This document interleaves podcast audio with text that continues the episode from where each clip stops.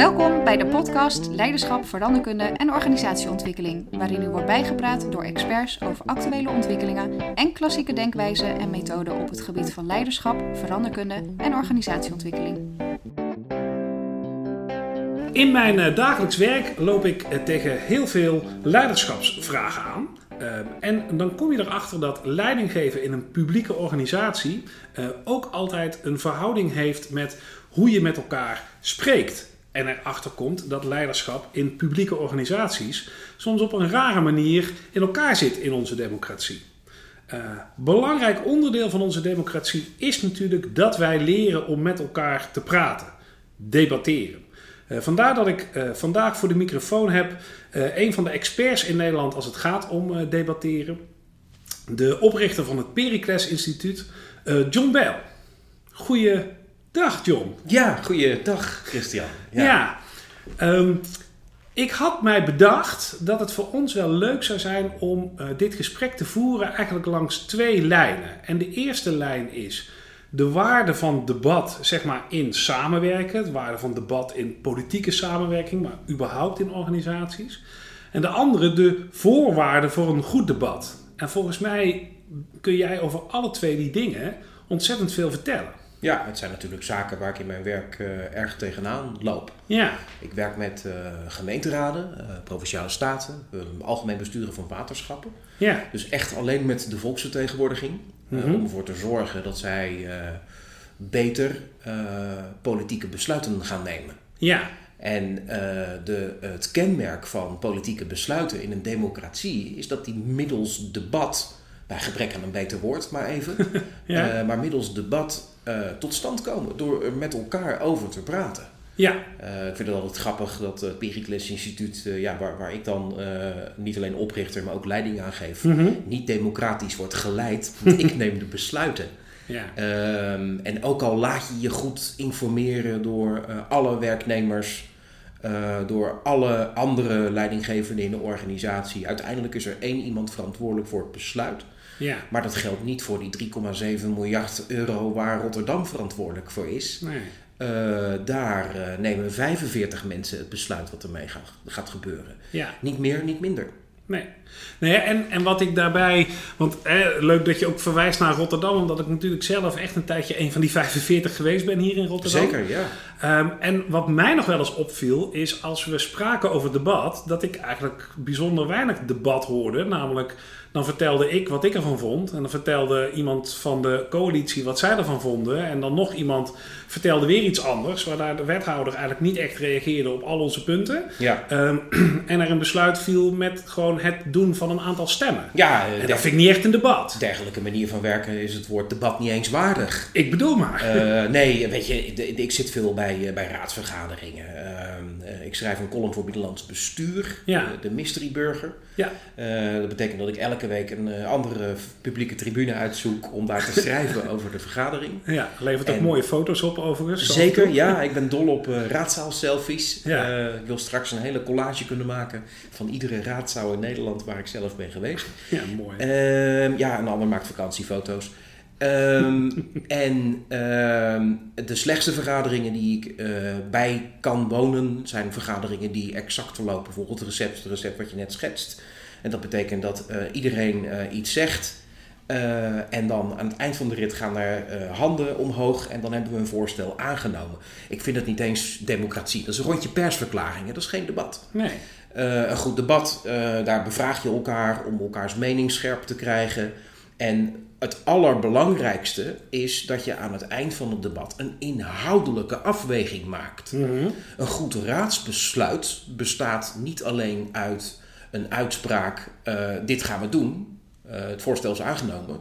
Ja. Maar bestaat er ook uit dat het hoogste orgaan van de gemeente een afweging heeft gemaakt. Ja. We gaan dit doen omdat milieu maar even belangrijker is dan economie. Of andersom, doet er niet toe. Nee. Maar in ieder geval een herkenbare, of liever gezegd, invoelbare afweging. Ja. Waarvan, uh, nou ja, laten we even bij Rotterdam blijven. Uh, die 600.000 mensen die in de stad wonen, allemaal kunnen zeggen: Ik snap het. Ja. Ook al zijn ze het er niet, Niet mee eens. eens. Nee, ja, moeten ik wel snappen hoe het Ja. besluit is genomen. En Ja. dat vind ik democratie. Ja.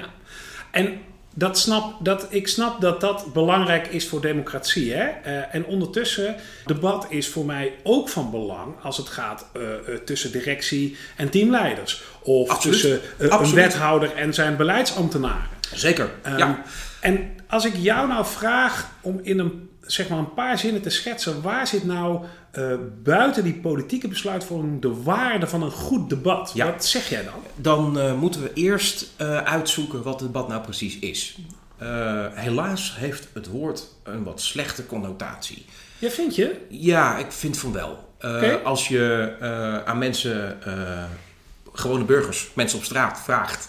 eh, wat is een debat? Dan eh, komen ze toch meestal uit bij die eh, verbale verplaswedstrijdjes... die ze kennen uit de Tweede Kamer. Eh, trucjes die Wilders uithaalt op Rutte en Rutte dan weer terug. Ja, oké. Ehm, dat is geen debatteren. Nee. Ehm, als je wel wil kijken wat een debat is, dan kom je al gauw uit bij wie er aan een debat meedoet. Het is heel verleidelijk om te zeggen dat een debat een woordenspel is tussen een voorstander en een tegenstander. Mensen die het niet met elkaar eens zijn. Maar een debat is per definitie meer dan dat. Ehm, een goed debat heeft namelijk ook altijd een groep of een persoon die overtuigd moet raken van één van de standpunten.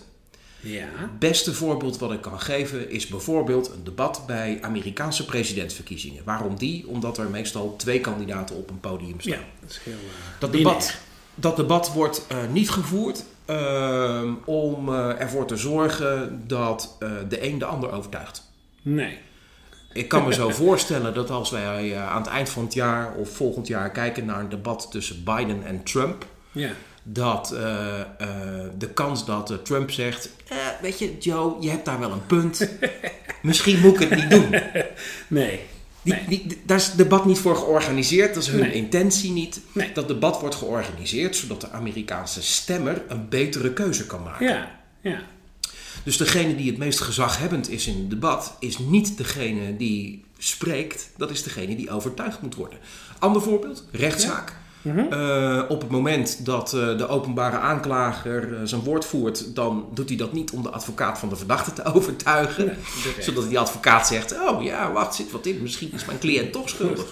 dat, is, dat is niet waarom, waarom je dit organiseert. Je moet de rechter overtuigen en Ja. de rechter is dus ook de meest gezaghebbende in dat debat. Want het is wel een debat.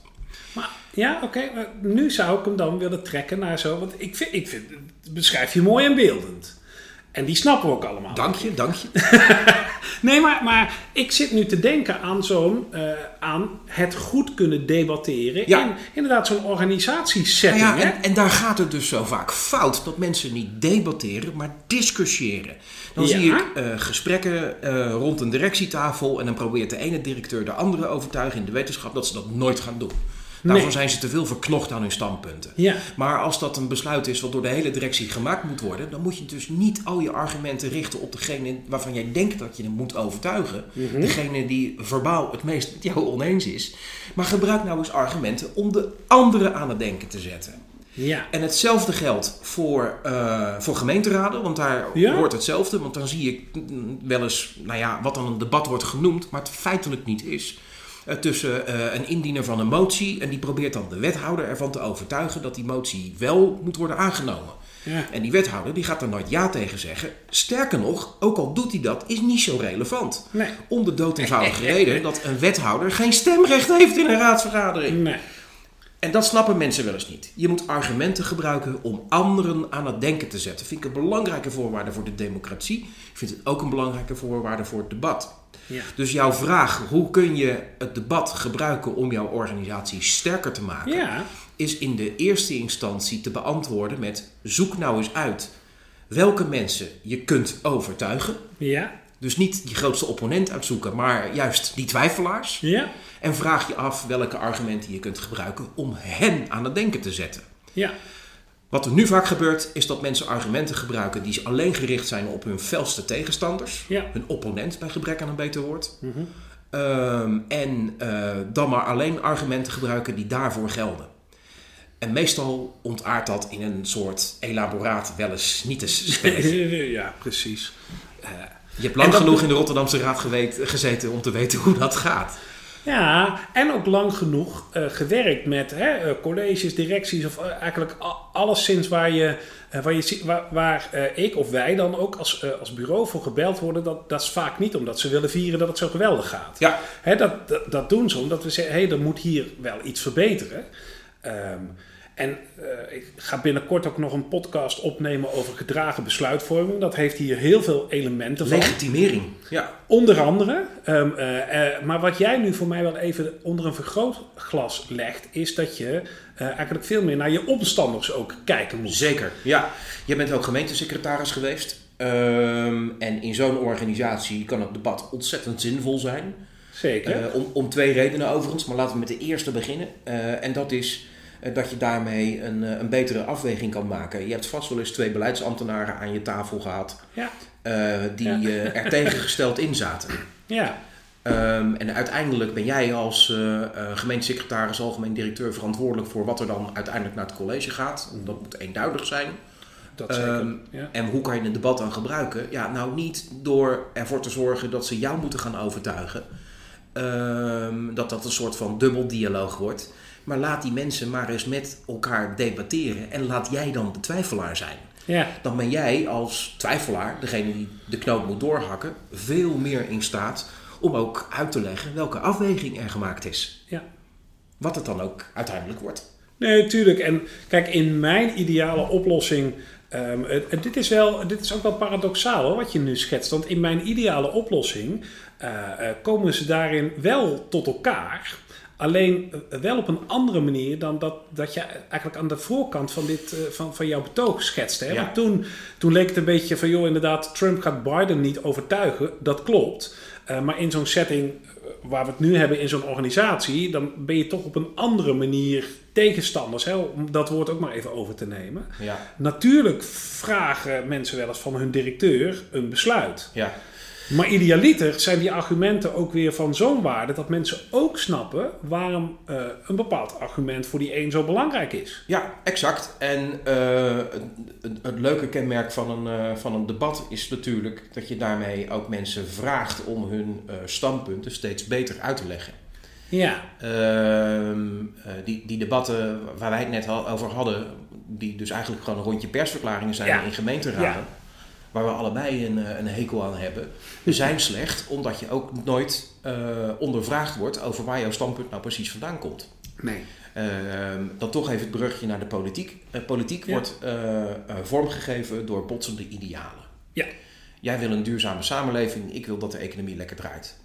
En op het moment dat je met elkaar debatteert, kom je tot de, pas tot de ontdekking dat er ook een modus is waar die twee elkaar niet uit te sluiten. Hoe, hoezeer dat ook leek. Mhm. Ik heb debatten gezien over de zondagopenstelling in eh Bijbelbeltgemeenten, Mhm. eh, waar men eruit kwam, omdat er goed werd gedebatteerd. Ja. En eh, inmiddels is er in Rotterdam veel veranderd. Ik ben dol op de gemeenteraad hier. Vooral omdat men fel durft te debatteren zonder dat het meteen persoonlijk wordt. En dat is dan volgens mij ook de beste manier. Mhm. Je moet ook niet te voorzichtig zijn. Je mag best hardhandig met iemands argumenten omgaan. Zolang je de met persoon de maar heel- argumenten. met de argumenten Ja, zeg ik ja. terecht. Ja, Ja. ja, ja. Zolang je de persoon maar heel gaat. Ja, ja. En zo maak je voor mij ook wel een, een mooie brug, vind ik, naar mijn tweede vraag. Want de eerste was van, joh, wat is nou de waarde van debat? En nou, ik vind, daar komen we echt wel op een, op een mooi inzicht, denk ik, voor onze luisteraars. En de tweede vraag die ik jou stelde was van, joh, wat zijn nou voorwaarden voor een goed debat? Hè? Stel dat mensen, dat kan zijn in de politiek, Ja. dat kan ook zijn in organisaties, gewoon eh, denken van, joh, ehm, eh, goed verhaal dit, wat die jongens hierop hangen. Ehm, ehm, dus daar willen wij ook mee aan de slag. Wat Ja. zijn nou voorwaarden voor een goed debat? Laat me beginnen met het noemen van een eh, dieptepunt in het functioneren van onze democratie. Nou. En dat was in de Tweede Kamer, waarin eh, Geert Wilders een verhaal stond, eh, stond te houden. Eh, een goed redenaar, maar een uitermate slecht debater. Ehm, eh, en Alexander Pechtold hem interrumpeerde. En het was een goede interruptie, meen ik me te herinneren. Ehm, en het antwoord van Wilders was: Uw fractie heeft maar drie zetels, met u, met u hoef ik niet te debatteren. Ehm, een belangrijke voorwaarde voor het functioneren van een debat is gelijkwaardigheid. Oké, ja. gelijkwaardigheid tussen de sprekers. Het kan niet zo zijn dat er een van de sprekers een hiërarchisch meerdere is, die dus uiteindelijk de knoop doorhakt. Niet tijdens het debat. Er mag geen schaduw van het is de baas er overheen hangen. Oké. Ehm, op het moment dat je debatteert, is namelijk ieder standpunt evenveel waard. Ja. En dan maakt het aantal eh, zetels in de fractie niet uit. En dan maakt ook eh, De de functieomschrijving op je visitekaartje, de streep Nee. op je mouw, ja, Nee, maakt er ook niet uit. Wat daaruit volgt is eh, gelijkwaardigheid van instrumenten. Ja. En daarmee bedoel ik bijvoorbeeld een gelijkwaardige spreektijd. Oh ja. Eh, daarom wordt er via eh, de voorzitter gesproken in, eh, in de politiek. Ja. via u, voorzitter. En dat is omdat daarmee de voorzitter laat zien dat hij degene is die bepaalt wie er spreekt. Ja. En een goede voorzitter zal dat, zoals dat dan heet, streng en rechtvaardig doen. Ehm, een debat waarin de directeur eventjes de grote lijnen uitschetst. en jongens, zo zie ik het. En dan eh, aan het eind van de rit eh, mensen er vragen over mogen stellen. En eh, in een veel kortere spreektijd mogen zeggen waar ze het wel of niet mee eens zijn. Ja, wacht even. Zo werkt het Dat- niet. Dat moeten we geen debat noemen. Nee. Ehm, ik denk dat het dan overigens veel verstandiger is om als, eh, als eindbaas van een organisatie eh, juist even je snavel te houden en andere mensen te laten praten. Zodat jij verantwoordelijk kan zijn voor die gelijkwaardige verdeling. Ja, en wat je daar eigenlijk eh, ook een beetje schetste, is dat jij een beetje die, dat publiek wordt wat overtuigd moet worden. Dat je jezelf eigenlijk wat meer in die positie ook eh manoeuvreert. Ik zou zelfs willen beweren dat het helemaal niet zo belangrijk is dat leidinggevenden in Nederland wat vaker gaan debatteren. Ik denk dat het belangrijk is dat ze veel vaker laten debatteren. Ja, nou, dat, ja. Onder hun gelijkwaardige medewerkers. Dan kun je Ja. namelijk veel beter een invoelbaar besluit nemen. ja. Ehm, Oké, dus je, eh, jij zegt hè, de, de, de sprekers moeten gelijkwaardig zijn, de middelen moeten gelijkwaardig zijn. Ehm, andere voorwaarden? Ja, een eh, belangrijke voorwaarde is wel dat je duidelijk eh, over dezelfde agenda praat. Oh ja. Ehm, ja, dat, Ja, dat, lijkt een open deur. wel eens aan. Nee, maar vertel. Nou ja, ik zie nog wel eens eh, stukken op, eh, op raadsagenda's eh, eh, staan waarvan het niet helemaal duidelijk is wat de gevraagde beslissing is. In de coronatijd eh, zag ik een vergadering van de gemeenteraad van Groningen. Ehm, en dat was een eh, vergadering over het, eh, het steunpakket van het Rijk voor de aardbeving eh, gevolg, eh, gevolgen, dus het gevolgschade. Dat is best een flink stuk beleid. En best belangrijk ook. We hebben het niet over herstel, maar over investeringen in de samenleving. Die mogen gaan naar kunst en cultuur. En de gemeenteraden van Nederland in Groningen, gemeenteraden, mogen zelf bepalen hoe ze dat geld gaan inzetten. Ja. Dus we hebben het echt over een flink stuk beleid. Ja. Ehm, alleen eh, was het niet zo'n goede vergadering. Eh, het had natuurlijk al de beperking dat het een virtuele vergadering was. Ja. Waar eh, heel veel problemen van vergaderen ineens worden uitvergroot. Ja. Niet, niet alleen dat er nieuwe problemen zijn, maar heel veel worden er uitvergroot. Maar een van de belangrijke problemen was dat ze niet zo'n goede gevraagde beslissing hadden. Het was geen besluitvormende vergadering, het was een beeldvormende vergadering. Maar dan nog moet je je afvragen, wat willen we nou bereiken met dit overleg? Ja. Willen we eh, dat iedereen eh, zijn visie heeft kunnen geven? Of moeten we juist vragen aan elkaar stellen over wat die visie behelst? Moet je prioriteiten aangeven? Of moet je juist ervoor zorgen dat je het technisch snapt? Daar goede afspraken over maken is voor het debat. Daar is voor het debat, zei u. Ja. Daar goede afspraken over maken is voor het debat ontzettend belangrijk. Maak duidelijk wat de gevraagde beslissing is. In termen van debatteren zou je kunnen zeggen: wat is de stelling? Ja. In de politiek eh, hoort dat goed geregeld te worden met een eh, agendacommissie. Ja. Ehm, en eh, die vraagt zich dus ook af wat de plaats is van deze besluitvorming in het vergadermodel. Ja. Waar zitten we? Beeldvorming, oordeelsvorming, besluitvorming. Ja. Maar diezelfde gedachte moet je ook toepassen op eh, debatten die je organiseert in je eigen organisatie. Wat wil je precies bereiken? Ja. Nemen we een finale besluit of zijn we het besluit aan het voorbereiden? Ja. Nou ja, dat, hè, terwijl je dat zo zegt, is dat ook precies waar ik aan, aan zit te denken. Van joh, eh, op het moment dat je. eh, nee, ik, ik herformuleer mijn zin even. Kijk, als, als leider in een organisatie, hè, op welk niveau dat dat dan ook is. Ehm, eh, kun je denk ik met dit soort handvatten eh, echt wel goed je eh, ehm, het debat ook met je medewerkers of, of in je eigen team aanwakkeren. Eh, en het, ik denk dat het wel helpt als je dit soort dingen ook gewoon helder doet. Die Bob-structuur. De een zegt ja, dat is inmiddels uitgekoud. Zou kunnen. Maar zo'n cliché is niet voor niks een cliché. Dat Ja. heeft ontzettende waarde. Exact. En weet je, dat, nog even dan over dat Bob-model. Dat Ja. Bob-model dat is er omdat mensen nu eenmaal zo besluiten nemen. Als jij een nieuwe winterjas gaat kopen, dan doe je dat met het Bob-model. Dan ga je eerst eens kijken, wat heb ik nou precies nodig? Ja, Ehm, eh, wat zijn eh, de, de mogelijkheden? Eh, en kies ik dan voor dat ding met die, die extra zakken of die bonte kraag? Of hou ik die eh, 25 euro die het meer kost in mijn zak en kies ik een andere jas? tuurlijk. Misschien een leuk verhaal. Als ik met een gemeenteraad moet uitzoeken eh, wat nou eh, een goed vergadermodel eh, voor ze is, of Mhm. hoe een huidige vergadermodel zou moeten werken, want dat zijn ook nog wel eens vragen die ze ja, stellen. Ja, ja, dus ze eigenlijk leren gebruik te maken van het vergadermodel. Dan vraag ik ze altijd, wie, heeft, wie van jullie heeft er wel eens een wasmachine gekocht? nou ja, dan gaan meestal alle handen omhoog. tuurlijk.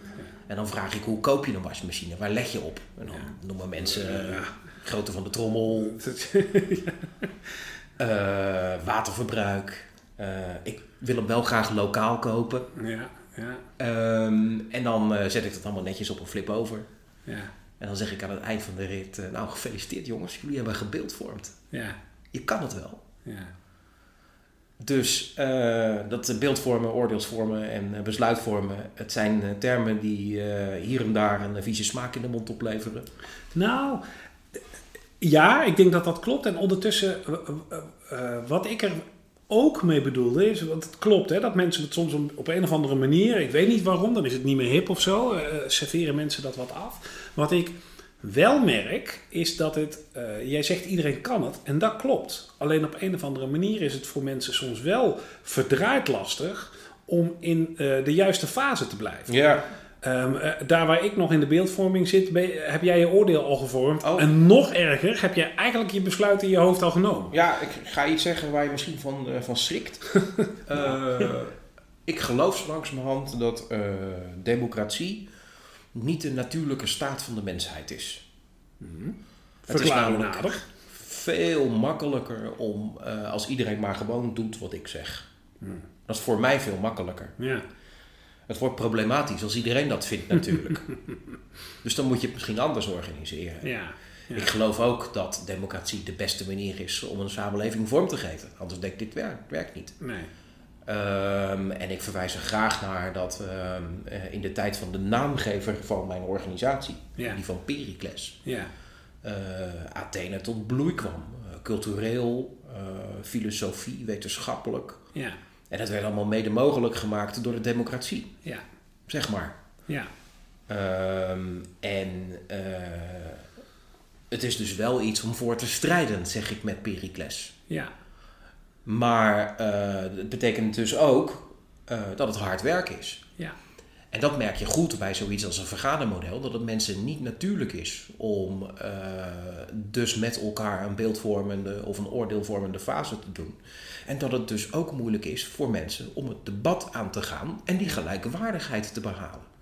Want ik snap het wel, dan eh, ben jij eh, een groot voorstander van het opengooien van de winkels op zondag. Ja. En dan moet jij het debat aan met iemand die eigenlijk vindt dat zijn hele godsdienst en zijn geloof door dat idee wordt aangetast. Ja. En je moet er samen uit zien te komen. Nou ja, dat, dat is ook ingewikkeld. En voor een deel zit daar... Oh ja, niet op de man spelen alsjeblieft. Nou ja, nou ja maar wat, wat het grote verschil, denk ik, eh, eh, tussen de gedachte eh, waar jij vooral, of de blik waar jij mee kijkt, is natuurlijk vooral die democratie. En het lastige is, is dat je, nou, de klem die jij net beschrijft hebt, dat dat echt kan gaan over zeer wezenlijke beelden van mensen over hoe je het leven zou moeten inrichten. Zeker. Ehm, eh, en, aan de en aan de andere kant heeft het wel iets makkelijkers, omdat eh, eh, in die raadsarena we natuurlijk al wel heel wat jaren die spelregels van de democratie in ieder geval kennen. Of we zal dat goed toepassen, is iets anders. Ehm, de slag die, die Ja. ik probeer te maken. Dat is, dat is misschien ook niet helemaal waar hoor. Eh, de belangrijkste eh, spelregel voor het functioneren van onze huidige democratie, die is niet zo oud. Die is 18 jaar oud. De dualisering van het gemeentebestuur. Ja, ja dat, dit is bijna een podcast op zichzelf. Maar in die zin, kijk. nee, maar, want, want uh, uh, kijk, de, de gedachte over hoe je, hoe je met elkaar dat politieke debat voert. dat voert wel langs de lijnen waar Ja. jij het net over had. Ja, exact. Dat kennen we al sinds de 13e eeuw natuurlijk. En, maar wa- wat ik eigenlijk, de complexiteit die ik nog even wilde maken was naar hoe je nou als leider in een organisatie, want natuurlijk kun je een politiek leider zijn, maar je kunt ook leider in een organisatie zijn. Eh, daar hebben we net volgens mij met elkaar wel een beetje afgepeld dat ook daar debat enorm waardevol kan zijn. Zeker. Met dat verschil eh, eh, dat onze organisaties eigenlijk van oudsher, heel Webriaans, eh, veel hiërarchischer in elkaar zitten. En die gelijkwaardigheid die jij volgens mij heel mooi beschrijft als voorwaarde, ehm, eh, veel meer nog gecreëerd moet worden en niet in de basis er zit. Even zo'n voorbeeld wat jij net had over u heeft maar drie zetels daar gelaten. Eh, is vaak in de politiek toch wel van, nou ja, u bent allemaal volksvertegenwoordiger op één zetel. Ehm, en in organisaties is dat toch anders. Heb je dat toch meer te creëren? Ja, dat, eh, dat klopt. Ehm, en met alle nadelen van dien. Ehm, Mhm. hoe belangrijk het ook is, dat, dat, dat, dat- die, die constatering maken wij nu ook. Zien Ja. dat het er toch niet van komt. En dat is omdat democratie nu eenmaal alle Jezus veel tijd kost. Ja. Eh, was het niet Wieboud die zei, eh, democratie heeft vele voordelen, maar snelheid is er er niet één van? En, en dat klopt ook. En ik ben er echt van overtuigd dat goede democratie er niet alleen voor zorgt dat je met elkaar betere besluiten neemt. Dus echt gewoon inhoudelijk beter, beter onderbouwd. Maar ook scherper geformuleerd wat er moet gebeuren. Ehm, en, en dat is ook wat, wat ik raden. En, maar ook wethouders wil, wil leren. Mhm. Dat als je nou maar dat debat goed voert, dat je dus een beter besluit krijgt. Ja. Eh, en tegelijkertijd ook een besluit wat beter uit te leggen is. Ja. Eh, zelfs als je eh, een, een heel ingrijpend besluit neemt. Ja. Bijvoorbeeld, alle kroegen in Nederland moeten gaan dicht. Een half jaar geleden had iemand me voor gek verklaard. Dit als een plausibele stelling. We hebben dat besluit toch genomen. En weet je, de manier waarop we het hebben genomen, daar kun je alles van vinden. Maar het is wel een invoelbaar besluit geweest. We hebben morrend de, de, de kroegdeur dicht zien gaan. Ja. Maar we snapten het wel. Ja. En dat is een democratisch besluit. ja. John, volgens mij ehm, mooi verwoord. Ik vind dat, dat het ook ons goed is gelukt om die werelden aan elkaar te verbinden. Dankjewel. Dat, dat, zowel het politiek als het orga- organisatie eh, denken heeft daar volgens mij echt zo mooi zijn plaatsje gehad. Ja, Nou, ik dank jou voor deze, voor deze bijdrage. het was me genoeg. Ja, nou, mij ook, zeker. Dankjewel. Dankjewel voor het luisteren. Vond je dit een aansprekende podcast? Abonneer je dan in je favoriete podcast-app en deel deze aflevering met anderen. Heb je vragen of tips? Mail dan naar christianverdeberg.gmail.com of ga naar mijn LinkedIn-pagina. Graag tot een volgende keer.